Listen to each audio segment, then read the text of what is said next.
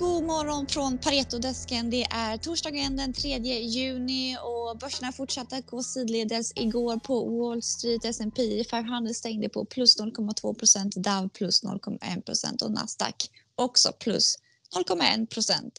Energisektorn fortsatte att gå starkt igår och även tech gick eh, starkare igår.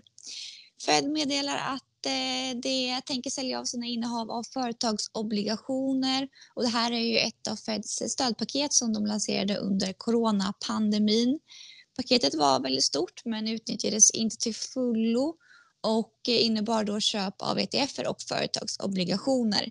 Nu avvecklas alltså programmet. Försäljningen kommer ske gradvis och Fed är väldigt tydliga med att det här inte är en tapering.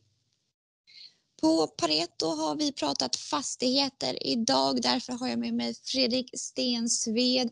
Fastighetssektorn har ju gått starkt senaste två och en halv månaderna, vilket vi ser i kurserna och vilket vi också ser i er eh, sektoröversikt eh, som ni släpper idag. Ni har de flesta bolagen på håll, eller hur?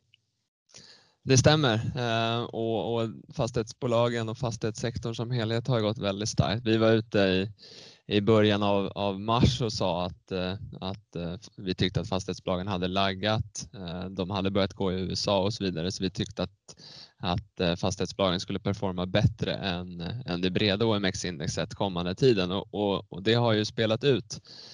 Um, om man kollar lite på Q1-rapporterna som kom i, i, april och, och delvis i maj um, så var ju de starka och stabila. Eh, det som mm, slog våra estimat eh, eh, var framförallt på uppvärderingarna så att du skrivit upp fastigheterna. Så, så på NAV på NAV i fastighetsbolagen så, så slog ju de, de flesta bolagen då våra estimat drivet av de här uppvärderingarna. Precis som du säger så, så har vi tagit ner många av våra rekommendationer här senaste, senaste tiden. Eh, och det är ju drivet av den här uppgången. Ehm, vi tycker väl att de, de flesta handlas fair eh, och, och, en hel del av, av bolagen handlas eh, även över våra, våra riktkurser. Ehm, så det är väl inte helt orimligt att, att anta att, att fastighetsbolagen som helhet då, eller fastighetsindex kommer, kommer underperforma OMX framgent då, istället för, för den vyn vi hade för, för två och en halv månad sedan. Mm, och tittar man på lite mer bolagsspecifikt så har ni kvar SBB, Diös och Cibus på köp. Varför mm. tror ni att de fortfarande kommer fortsätta att gå bra? Mm, det stämmer. Ehm, så, så vi har gått från, från en hel drös köprekommendationer till, till de tre. Ehm, och även de tre faktiskt eh, handlas ju eh, inom 10% från vår riktkurs så, så egentligen skulle man kunna hävda att det är en eh, implied eller en, liksom en implicit eh, behåll på, på 12 månaders sikt. Men eh, kollar man specifikt på SBB så, så tycker vi att om man, om man lyfter blicken lite så, eh, så räknar vi i våra estimat med den högsta vinsttillväxten i, i vårt coverage för 21, 22, 23. Så, så Eh, så, så de kommer absolut att, att, eh, att vara ett bra case även framöver. Ehm, vi har också sett i direktmarknaden på alltså när, när bolagen eh, och, och, och, aktörerna i fastighetsbranschen säljer och köper fastigheter av varandra så, så har det varit jättetydligt här senaste månaderna att bostäder är hett, samhällsfastigheter är hett, logistik är hett och, det är eventuellt ingen, ingen nyhet för, för många men det har varit på tydliga all time high nivåer. Ehm, så vi, vi tror att det finns ytterligare yield-kompression att hämta i exempelvis SBB då, eh, som vi dessutom inte riktigt tycker är inprisat där. Så om man jämför SBB med, med logistikbolagen till exempel så är det vissa av dem som handlas på, på premier på, på 100 procent och, och därtill mot NAV så, så i de bolagen så finns det ju, där har ju börsen prisat eh, deras aktier redan på att det ska bli en yieldkompression och att segmentet är hett. Eh, och, och, där tycker vi väl att det finns eh, lite mer att hämta i SBB just. Mm, för logistik brukar ni prata om stendörren som en mm. favorit. Mm. Är det ett exempel på Eh, att det har gått väldigt starkt och just det du beskriver här. Ja, ja men precis och, och stendörren eh, har ju varit ett topic i, i vårt coverage eh, under större delen av 2020 och, och, vi tog ner dem till, till behåll här för någon månad sedan eh, bara.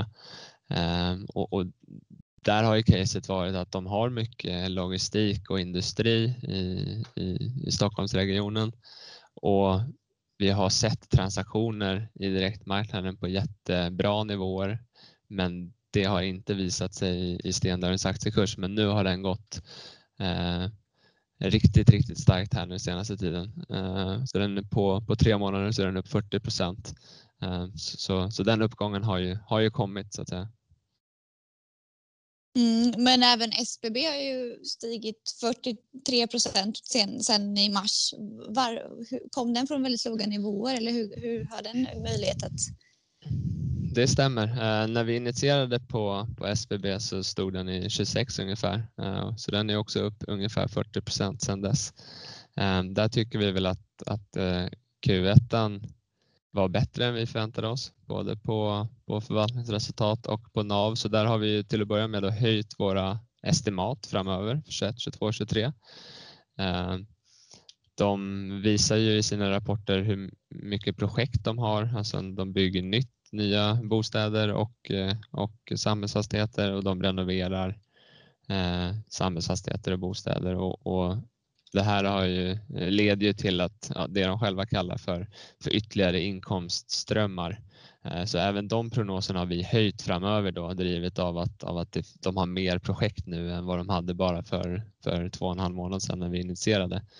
Ehm, så, så att vi är positiva till SBB då snarare än, än stendörren är väl eh, drivet av att vi tror att det finns mer yieldkompression att hämta i de segmenten.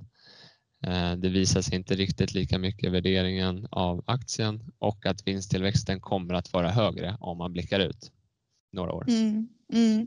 Och vi måste prata om den här, det här med en, eh, en stapel stapeldiagram i den här uh, översikten och då har ni visat performance sedan 11 mars 2021 mm. och uh, Omex Allshare har då gått 6 och sen så ser vi ju alla fastighetsbolag att uh, de har haft en otrolig utveckling.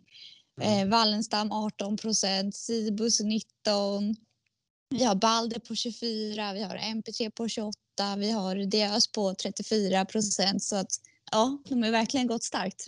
Mm, absolut och, och eh, jag menar, de transaktioner vi har sett har ju andra sett också inom de här eh, heta segmenten då, så det har ju gett stöd åt de bolagen eh, och de bolagen som har kontor och handel och som har varit nedtryckta har ju gynnats lite av av det här reopening temat så det känns som alla har haft en anledning att gå. Ja. Ja, tack så jättemycket Fredrik. Spännande att fortsätta att följa fastighetssektorn. Tycker jag också. Ja. Och eh, tack så mycket för att ni har lyssnat eh, denna torsdag. Det finns ett nytt avsnitt av Pareto Podcast med Andreas Brock. Vi pratar just om det här, hur ska man agera när börsen går sidledes? Så in och lyssna på Pareto Podcast och eh, ha en fin torsdag.